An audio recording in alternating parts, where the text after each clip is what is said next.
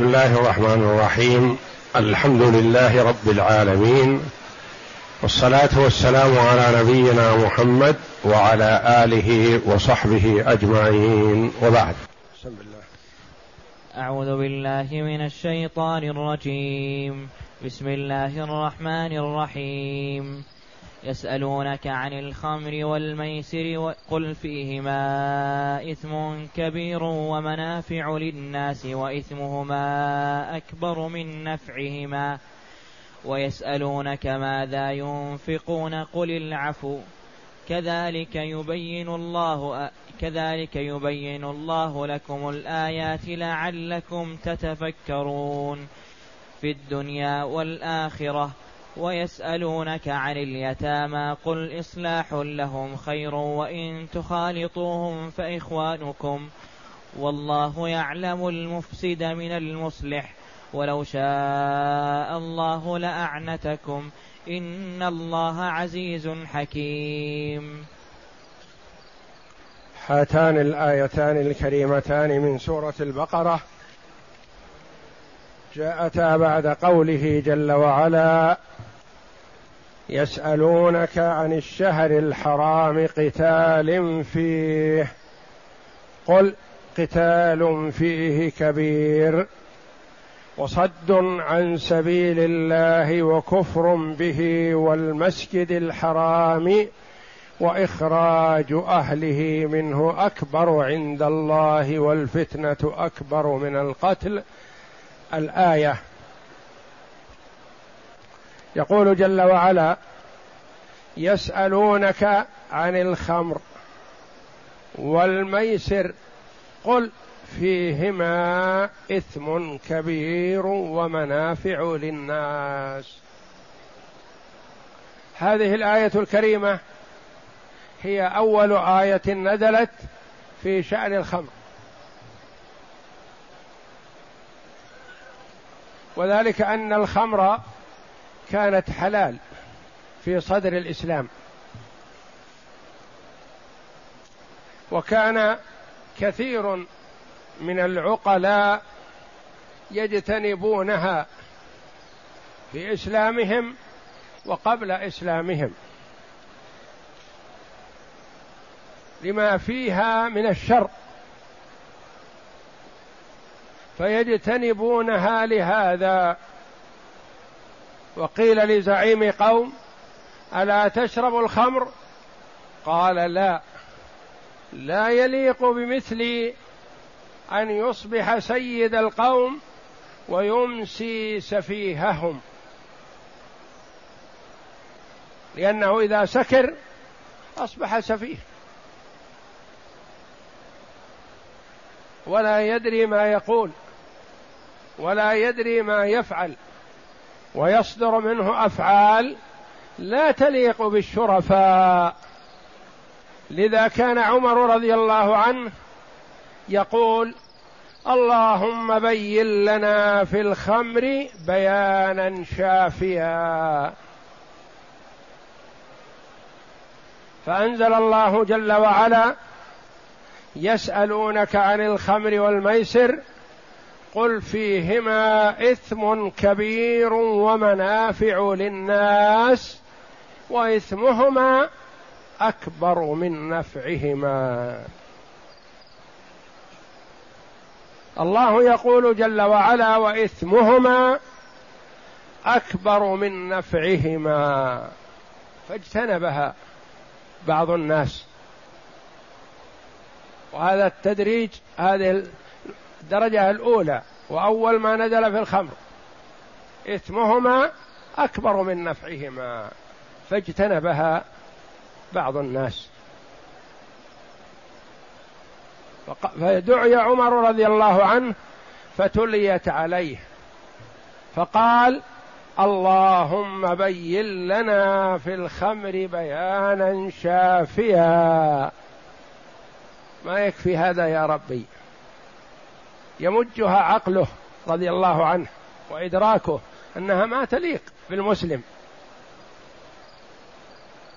فأنزل الله جل وعلا يا أيها الذين آمنوا لا تقربوا الصلاة وأنتم سكارى حتى تعلموا ما تقولون. الآية التي في سورة النساء. وكان منادي منادي رسول الله صلى الله عليه وسلم ينادي إذا أقيمت الصلاة لا يقرب الصلاة سكران. فدعي عمر رضي الله عنه فتليت عليه. فقال اللهم بين لنا في الخمر بيانا شافيا. ما كفاه هذا رضي الله عنه. فأنزل الله جل وعلا بعد ذلك يا أيها الذين آمنوا إنما الخمر والميسر والأنصاب والأزلام رجس من عمل الشيطان فاجتنبوه لعلكم تفلحون. إنما يريد الشيطان أن يوقع بينكم العداوة والبغضاء في الخمر والميسر ويصدكم عن ذكر الله وعن الصلاة فهل أنتم منتهون؟ فدعي عمر رضي الله عنه فتليت عليه فقال رضي الله عنه انتهينا انتهينا. كفاه. يا أيها الذين آمنوا إنما الخمر والميسر والأنصاب والأزلام رجس من عمل الشيطان فاجتنبوه لعلكم تفلحون. إنما يريد الشيطان أن يوقع بينكم العداوة والبغضاء في الخمر والميسر ويصدكم عن ذكر الله وعن الصلاة فهل أنتم منتهون؟ الله جل وعلا حكيم عليم يتدرج مع عباده في التشريع حتى يأخذوه شيئا فشيئا. أناس تعودوا على شرب الخمر صباح مساء وهو شرابهم وهو شرابهم المفضل ويمدحون أنفسهم بشربه وتعودوا على هذا. فالله جل وعلا بحكمته ما حرمه عليهم دفعة واحدة وإنما تدريجيا حتى تقلع عنه الأنفس اقلاعا نهائيا. يسألونك عن الخمر والميسر قل فيهما إثم كبير. اثم كبير. تزيل العقل. وتضر المرء في دينه وفي دنياه. وقد يفتك وقد يقتل وقد يزني وقد يقتل أمه يقتل بنته يقتل زوجته يزني بمحارمه ما يدرك. فيهما إثم كبير. ومنافع للناس. فيها منافع. كان أول. لأن الله جل وعلا يسلب المنافع إذا شاء فكان فيها أول منافع. فيها تجارة فيه بيع شراء فيه يصنعها أناس يبيعونها بقيمة في منافع دنيوية فقط. إذا شربه المرء سكر ورأى أنه شيء وأنه عظيم وأنه كذا وأنه كذا فإذا صحى عرف أنه على حاله ما تغير. ومنافع للناس. وإثمهما أكبر من نفعهما. الإثم أكبر لأن الإثم يتعلق بأضرار عظيمة. دنيوية وأخروية. وتضييع للحقوق وانتهاك للمحارم. فإذا قيل وإثمهما أكبر كثير من العقلاء يمجها ويبغضها ما دام في إثم كبير ما يريد الإثم الكبير فتركوها. لكن بعض الناس مولع فيها وتعودها فما أقلع.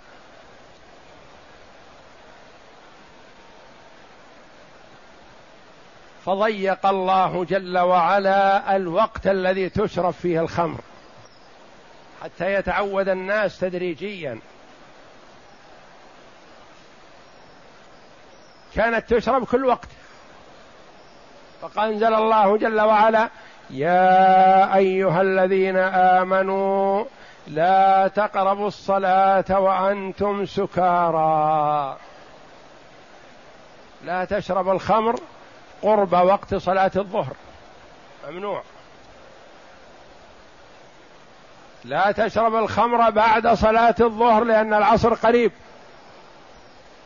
لا تشرب الخمر بعد العصر لأن المغرب قريب. لا تشرب الخمر بعد صلاة المغرب لأن العشاء قريب. بعد العشاء يشرب. إلى قرب الفجر ممنوع. بعد صلاة الفجر يشرب إلى قرب وقت صلاة الظهر ما بقي إلا وقتان فقط لشرب الخمر. أحد الصحابة رضي الله عنهم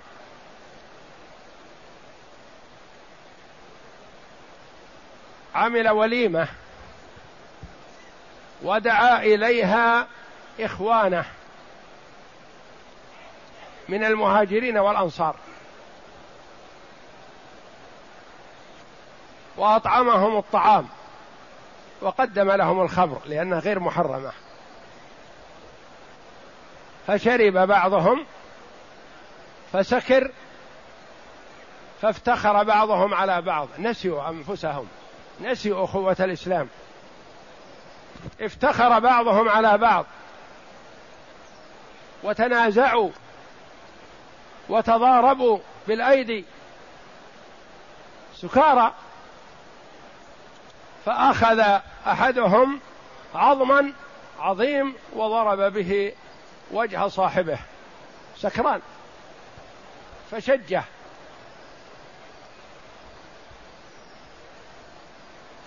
فصحوا. لما صحوا ندموا. كيف يحصل منهم هذا؟ إخوة متحابين متآلفين. يحب أخاه في الإسلام مثل وأكثر من محبته لأخيه في النسب. ويرفق به ويواسيه ويتنازل له عما أحب من ماله ويعطيه كل ما طلب لأنه يحبه لله وفي الله. لكن في حال السكر شجه و فإذا الدم يسيل من جبينه. فشهدوا صلاة الفجر مع النبي صلى الله عليه وسلم وهم مستحيون. كيف يصدر منهم هذا؟ فقال عمر رضي الله عنه اللهم بين لنا في الخمر بيانا شافيا. فأنزل الله جل وعلا يا أيها الذين آمنوا إنما الخمر والميسر والأنصاب والأزلام رجس من عمل الشيطان فاجتنبوه لعلكم تفلحون. إنما أداة حصر. إنما يريد الشيطان أن يوقع بينكم العداوة والبغضاء في الخمر والميسر ويصدكم عن ذكر الله وعن الصلاة. فهل أنتم منتهون؟ قال عمر رضي الله عنه انتهينا انتهينا خلاص هذا الذي نريده. هذا الذي نريده انتهينا. وضح الأمر أنها حبيلة من حبائل الشيطان وسماها النبي صلى الله عليه وسلم أم الخبائث. أم الخبائث. يعني الخبائث كثيرة لكن قد يأتي المسلم خبيثة من الخبائث لكن يتحاشى عن غيرها. قد يقع المسلم في الربا لكن يتحاشى أن يزني. قد يقع المسلم في السرقة لكن يتحاشى أن يقتل. قد يقع المسلم في القتل لكن يتحاشى أن يزني. وهكذا يعني الناس متفاوتون في الوقوع في الجرائم. منهم من يستسيغ شيء تسول له نفسه الوقوع فيه لكن يتحاشى عن الأمر الآخر. يستسيغ الزنا لكن يتحاشى أن يفعل به فعل قوم لوط من دبره يتنزه. ما يقبل هذا. لكن الواقع في الخمر والعياذ بالله ما يتحاشى عن شيء. ولذا سميت أم الخبائث. إذا شرب الخمر زنى وقتل ومكن من نفسه أن يعمل به فعل قوم لوط وما يتحاشى عن شيء لأنه سكران يأخذ بيده الصبي ويوجهه كيفما أراد ويمشي معه. إذا كان بيده سلاح قتل أمه قتل بنته قتل زوجته. منهم من دخل على زوجته وهو سكران ونائمة في الفراش فإذا به يأتي بالسكين ويشق بطنها ويخرج الجنين وتموت الأم والجنين. وهو سكران. فلذا سماها النبي صلى الله عليه وسلم أم الخبائث. جاء في الحديث أن امرأة أرادت رجلا فدعته وأغلقت الأبواب تلو الأبواب دونه وطلبت منه أن يزني بها فقال معاذ الله لا أزني الزنا محرم وكبيرة من كبائر الذنوب فلا أزني. قالت إذن هذا الولد عندي تقتله. قال أعوذ بالله. قتل النفس من أكبر الكبائر. لا أقتل نفسا سليمة بريئة بغير حق. فراودته على هذه وهذا فأبى فقالت له أخيرك بين ثلاثة أمور ولن تخرج حتى تفعل واحدا منها. إما أن تزني تريد أن يزني بها وإما أن تقتل هذا الصبي عندي وإما أن تشرب الخمر كأس من الخمر. وحصر إلا أن يفعل واحدا منها. ففكر في نفسه وقال الزنا حرام وجريمة عظيمة ولا يقدم عليه مسلم. ويكون ناقص الإيمان أو منزوع الإيمان إذا أقدم على الزنا باختياره. وقتل النفس من الكبائر العظيمة. والله جل وعلا توعد عليه. ومن يقتل مؤمنا متعمدا فجزاؤه جهنم خالدا فيها. وغضب الله عليه ولعنه. وأعد له عذابا عظيما. وقال كأس من الخمر. أخف من هذه وهذه. يشربه. ويستغفر الله ويتوب أو يشربه ويتقيأه إذا خرج يقيئه يخرجه من جوفه. فهذا أسهل في ظنه وزعمه. فشرب الخمر شرب الكأس. لما شرب الكأس تغير عقله نوعا ما. قال زيدوني. طلب زيادة فأعطوه. فقال زيدوني فأعطوه زيادة حتى أصبح لا يدري أين هو. فزنى وقتل الغلام وفعل الأفاعيل كلها. لذا سمى النبي صلى الله عليه وسلم الخمر أم الخبائث. يعني تجر إلى الخبائث كلها والعياذ بالله. صاحب الخمر والعياذ بالله إذا سكر ما يتحاشى عن شيء ولا يتوقف عن شيء. والسائلون هنا هم الصحابة رضي الله عنهم. يسألونك عن الخمر والميسر الميسر القمار المغالطة بالدراهم والدنانير والقمار. قل فيهما يعني الخمر والميسر. إثم كبير فيها خطأ إثم محرم.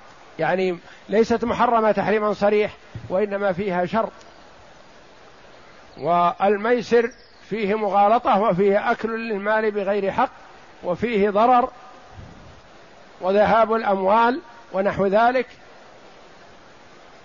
ومنافع للناس. كان فيها منافع. بالنسبة للخمر كما قدمت مثلا التجارة بها وتصنيعها ونحو ذلك يعني يستفيد منه المرء فائدة مادية قليلة ما تساوي شيء. والميسر فيه اكتساب للمال بدون تعب وبدون جهد ومنافع للناس. وإثمهما إثم الخمر والميسر أكبر من نفعهما. هذا مبدأ للتحريم لفت نظر للعباد. شيء إثمه أكثر من منافعه ما ينبغي للعاقل أن يقدم عليه. ومنافعهم وإثمهما أكبر من نفعهما.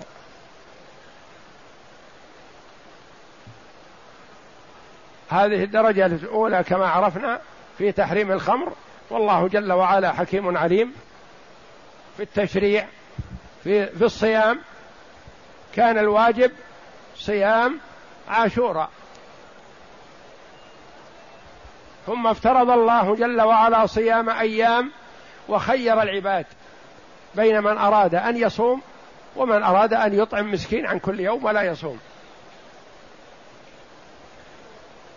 ثم لما توطنت النفوس والأبدان على الصيام أكد الله جل وعلا الصيام بالوجوب. ولا فدية إلا على غير المستطيع الذي لا يقدر على الصيام ولا يتمكن من القضاء. فحينئذ يطعم مسكين عن كل يوم. وهذا في من كان مرضه مزمن. ما يأمل شفاء. أو رجل كبير وامراه كبيرة ما يستطيع الصيام ولا يأمل أن يصوم في المستقبل. فهؤلاء يطعمون عن كل يوم مسكين وليس عليهم صيام والحمد لله. وأما من كان مستطيعا للصيام كان في الأول مخير أكد الله جل وعلا بقوله شهر رمضان الذي أنزل فيه القرآن هدى للناس وبينات من الهدى والفرقان فمن شهد منكم الشهر فليصمه ومن كان مريضا أو على سفر فعدة من أيام أخر. وهكذا التشريع. كانت الصلاة ركعتان فأقرت صلاة السفر وزيدت صلاة الحضر. والله جل وعلا يتدرج في التشريع على عباده حتى تألف هذا الشيء لأنها هذه التشريع جاءتهم وهم كبار. هم مثل الشاب الذي نشأ في الإسلام يتعود الصيام يتعود العبادات من الصغر شيئا فشيئا. شيء يتعوده وهو نفل في حقه ولا يجب عليه ثم يتدرج فيه. فإذا وجب عليه يكون قد تعود هذا الشيء.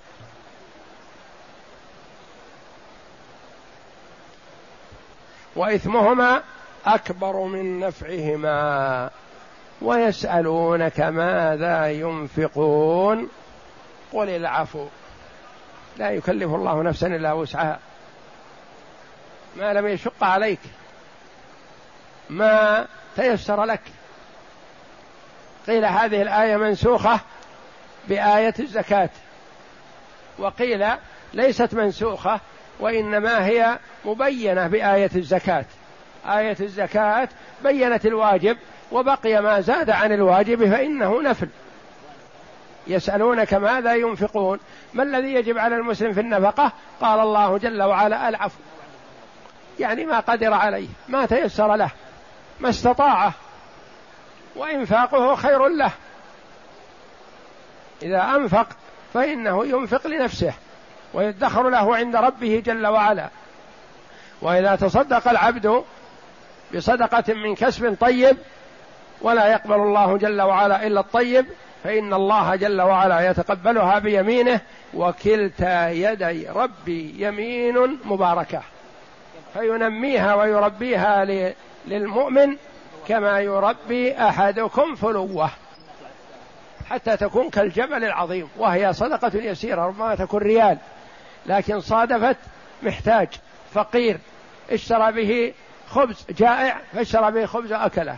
اشترى به طعام اشترى به شيء اشترى به كسوة يستر به عورته. ونحو ذلك مخلصا لله جل وعلا في هذه الصدقة يعطيها لوجه الله جل وعلا. كما جاء في الحديث أن الرجل إذا أخلص في صدقته من السبعة الذين يظلهم الله في ظله يوم لا ظل إلا ظله. ورجل تصدق بصدقة فأخفاها حتى لا تعلم شماله ما تنفق يمينه. من شدة الإخفاء يعني كأن عن شماله يخفي عن نفسه. ما يظهرها للناس وإنما يعطي خفاء لوجه الله جل وعلا.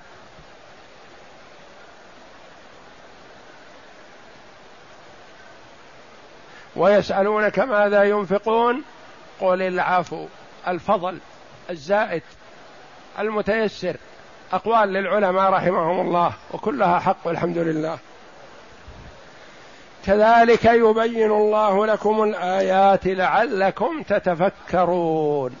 يبين الله لكم الآيات لأجل أن تتفكروا وتتأملوا وتنظروا في حالكم. بماذا؟ لعلكم تتفكرون في الدنيا والآخرة. تفكروا في الدنيا. الدنيا زائلة. والمال فيها إما زائل أو أنت زائل عنه وتاركه.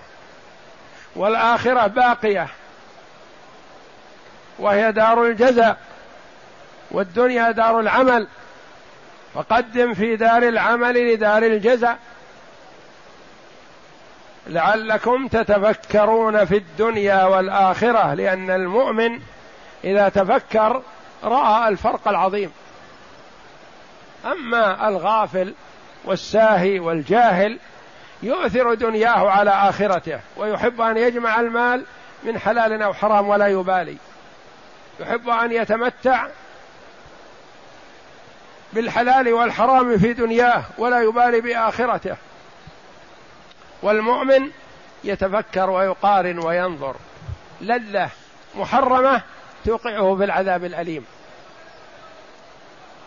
وتعزف نفسه عن الشيء الفاني الزائل ويسعى في الحصول على الشيء الباقي المستمر.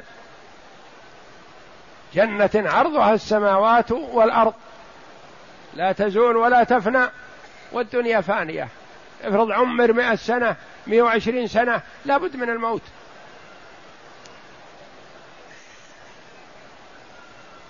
لعلكم تتفكرون في الدنيا والآخرة.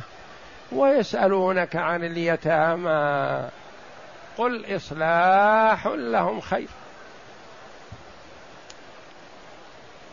الله جل وعلا أنزل ولا تقربوا مال اليتيم إلا بالتي هي أحسن. وأنزل جل وعلا إن الذين يأكلون أموال اليتامى ظلما إنما يأكلون في بطونهم نارا وسيصلون سعيرا. الصحابة رضي الله عنهم عندهم المرع والخوف من الله والامتثال لما يسمعون من أمر الله. قالوا ما دام الأمر كذا لا ما نتولى مال يتيم. اضطر إلى ولايته. يتولاه يضع له قدر وحده ونار وحده وطعام وحده ولا يقربه. لأنه خسار هلاك. إذا دخل جوفه شيء من مال اليتيم. إن الذين يأكلون أموال اليتامى ظلما.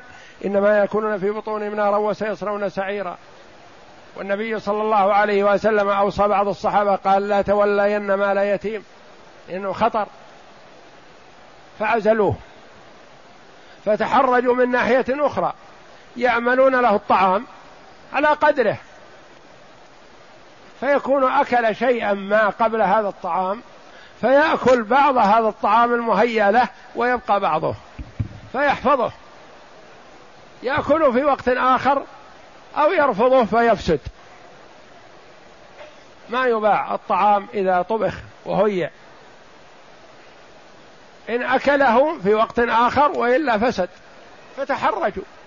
ماذا يصنعون؟ إن خلطوا مع طعامهم فيخشون أن يدخل عليهم شيء منه. إن عزلوه تحمل من المصاريف أكثر. لأنه كون يكون له قدر مستقل ونار مستقلة وعمل طبخ مستقل وما إلى ذلك. كل هذا يكلفه. فشق ذلك على الصحابة رضي الله عنهم فسألوا النبي صلى الله عليه وسلم. فقال تعالى ويسألونك عن اليتامى قل إصلاح لهم خير. أصلح لليتيم. وإن تخالطوهم فإخوانكم. تخلط طعامه مع طعامك. تخلط شرابه مع شرابك. تخلط نفقته مع نفقتك. مثلا تنظر. تقول في البيت ثمانية وفيها يتيمان عشرة المجموع.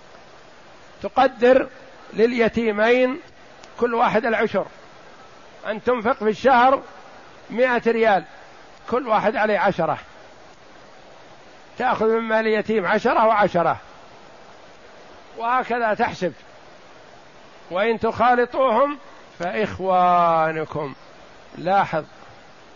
موعظة عظيمة. موعظة للمؤمن.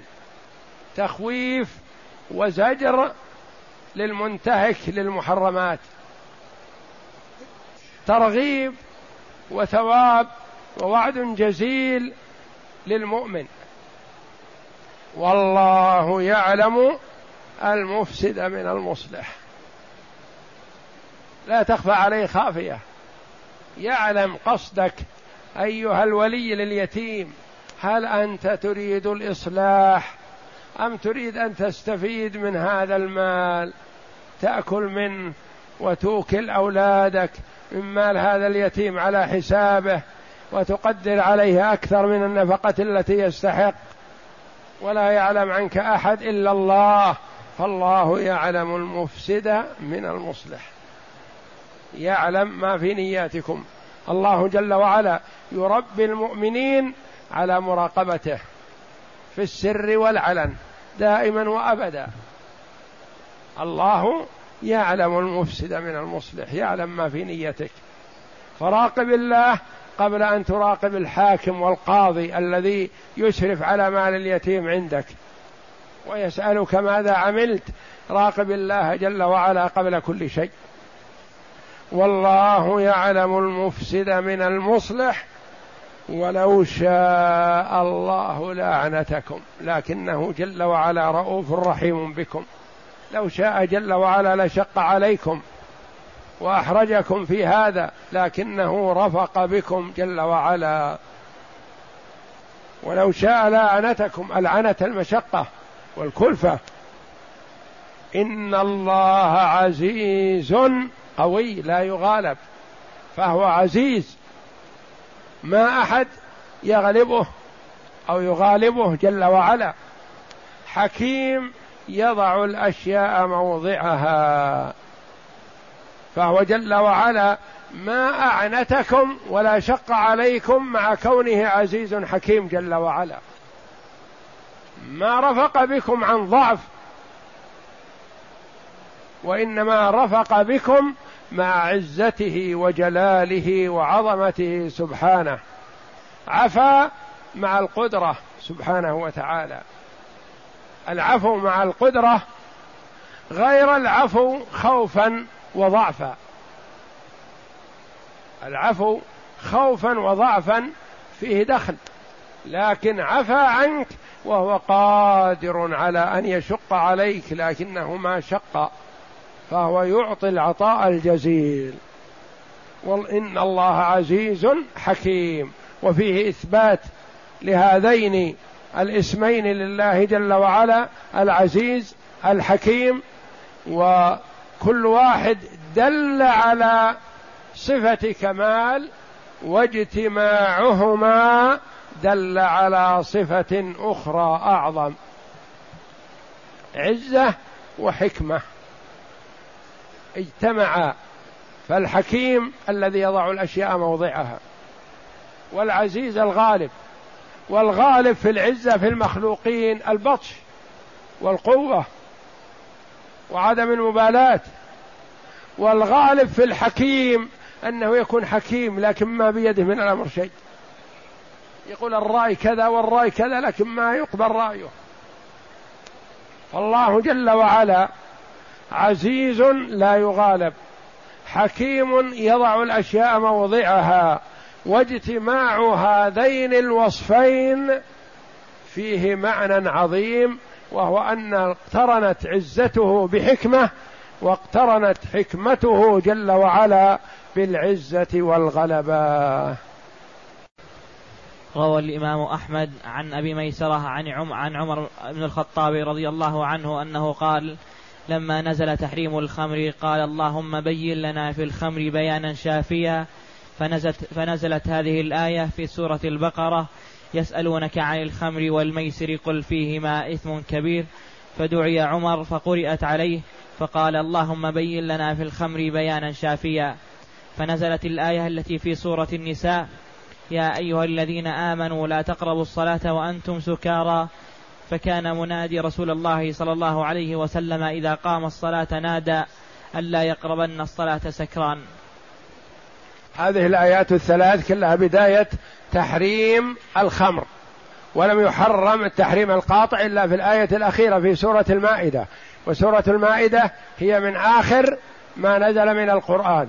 وجرى ذكر الخمر في السور المكية في قوله تعالى ومن ثمرات النخيل والأعناب تتخذون منه سكرا ورزقا حسنا لأن ما كانت محرمة ولا منهي عنها في مكة.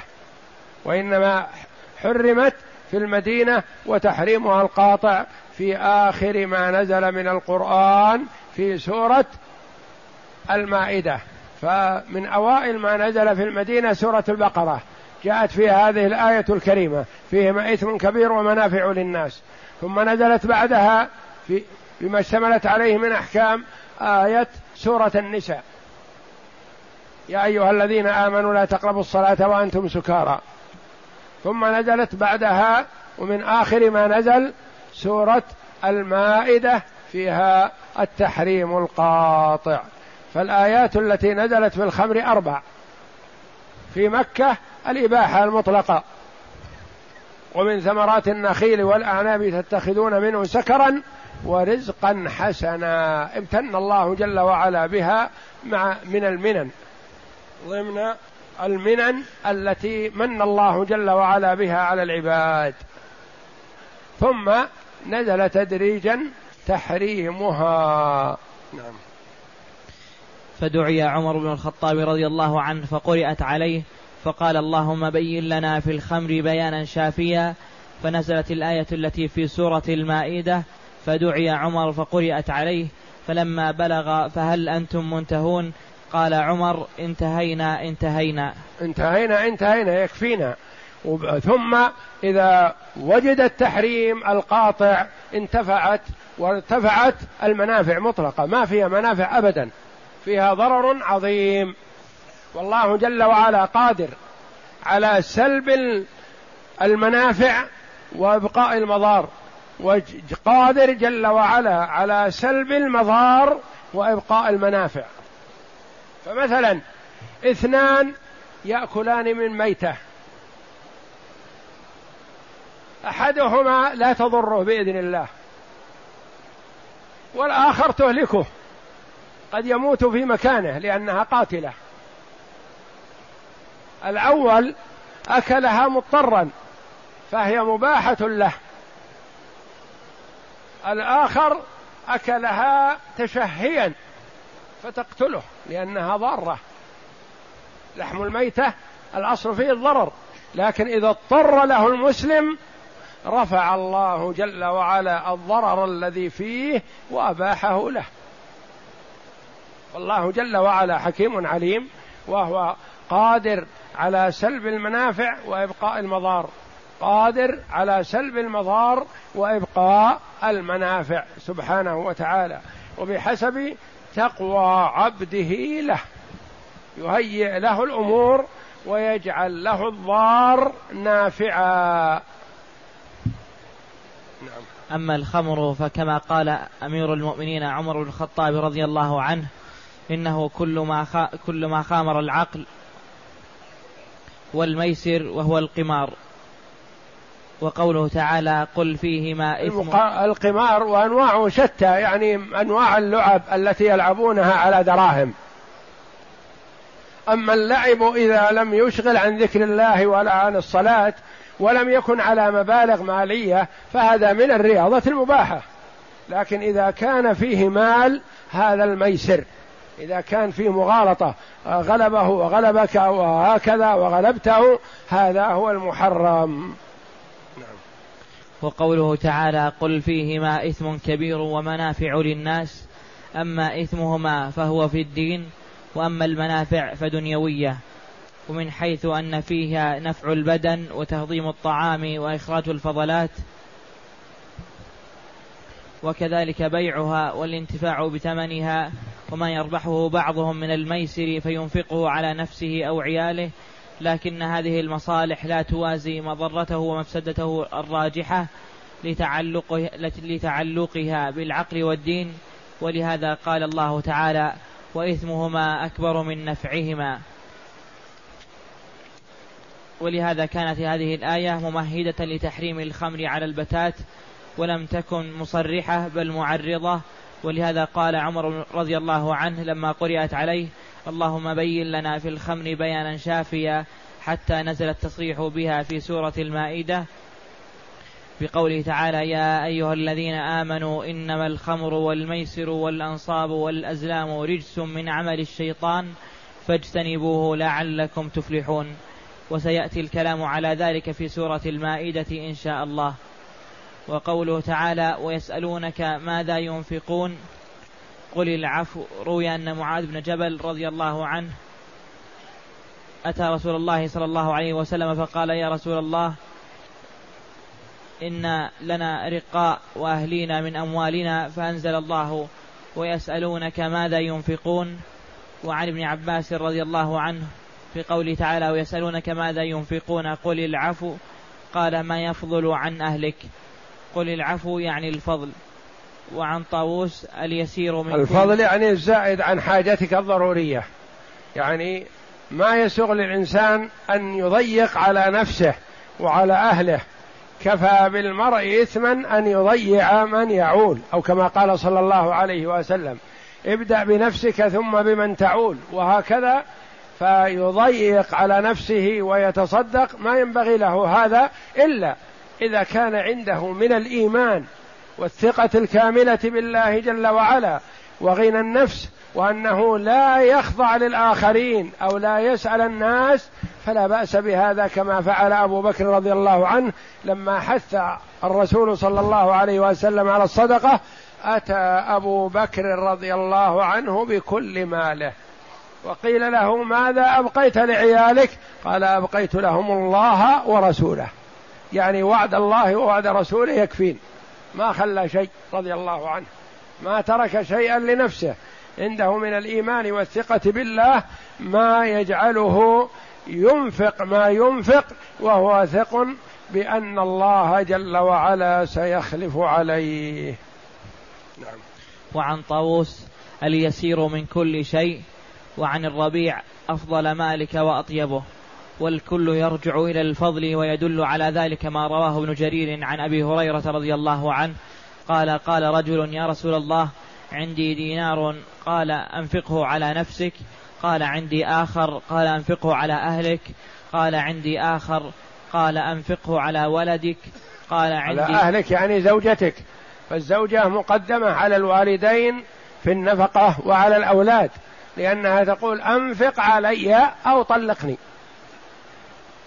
فهي مقدمة في النفقة وإن كان البر بالوالدين أكثر لكن من حيث النفقة فهي واجبة للزوجة بكل حال. حتى مع غناها وفقر الزوج فيجب عليه أن ينفق عليها إلا إن عفت عن حقها. نعم. قال عندي آخر قال أنفقه على ولدك. قال عندي آخر قال فأنت أبصر. وعن جابر أن رسول الله صلى الله عليه وسلم قال لرجل ابدأ بنفسك فتصدق عليها فإن فضل شيء فلأهلك فإن فضل شيء عن أهلك فلذي قرابتك فإن فضل عن ذي قرابتك شيء فهكذا وكذا وهكذا.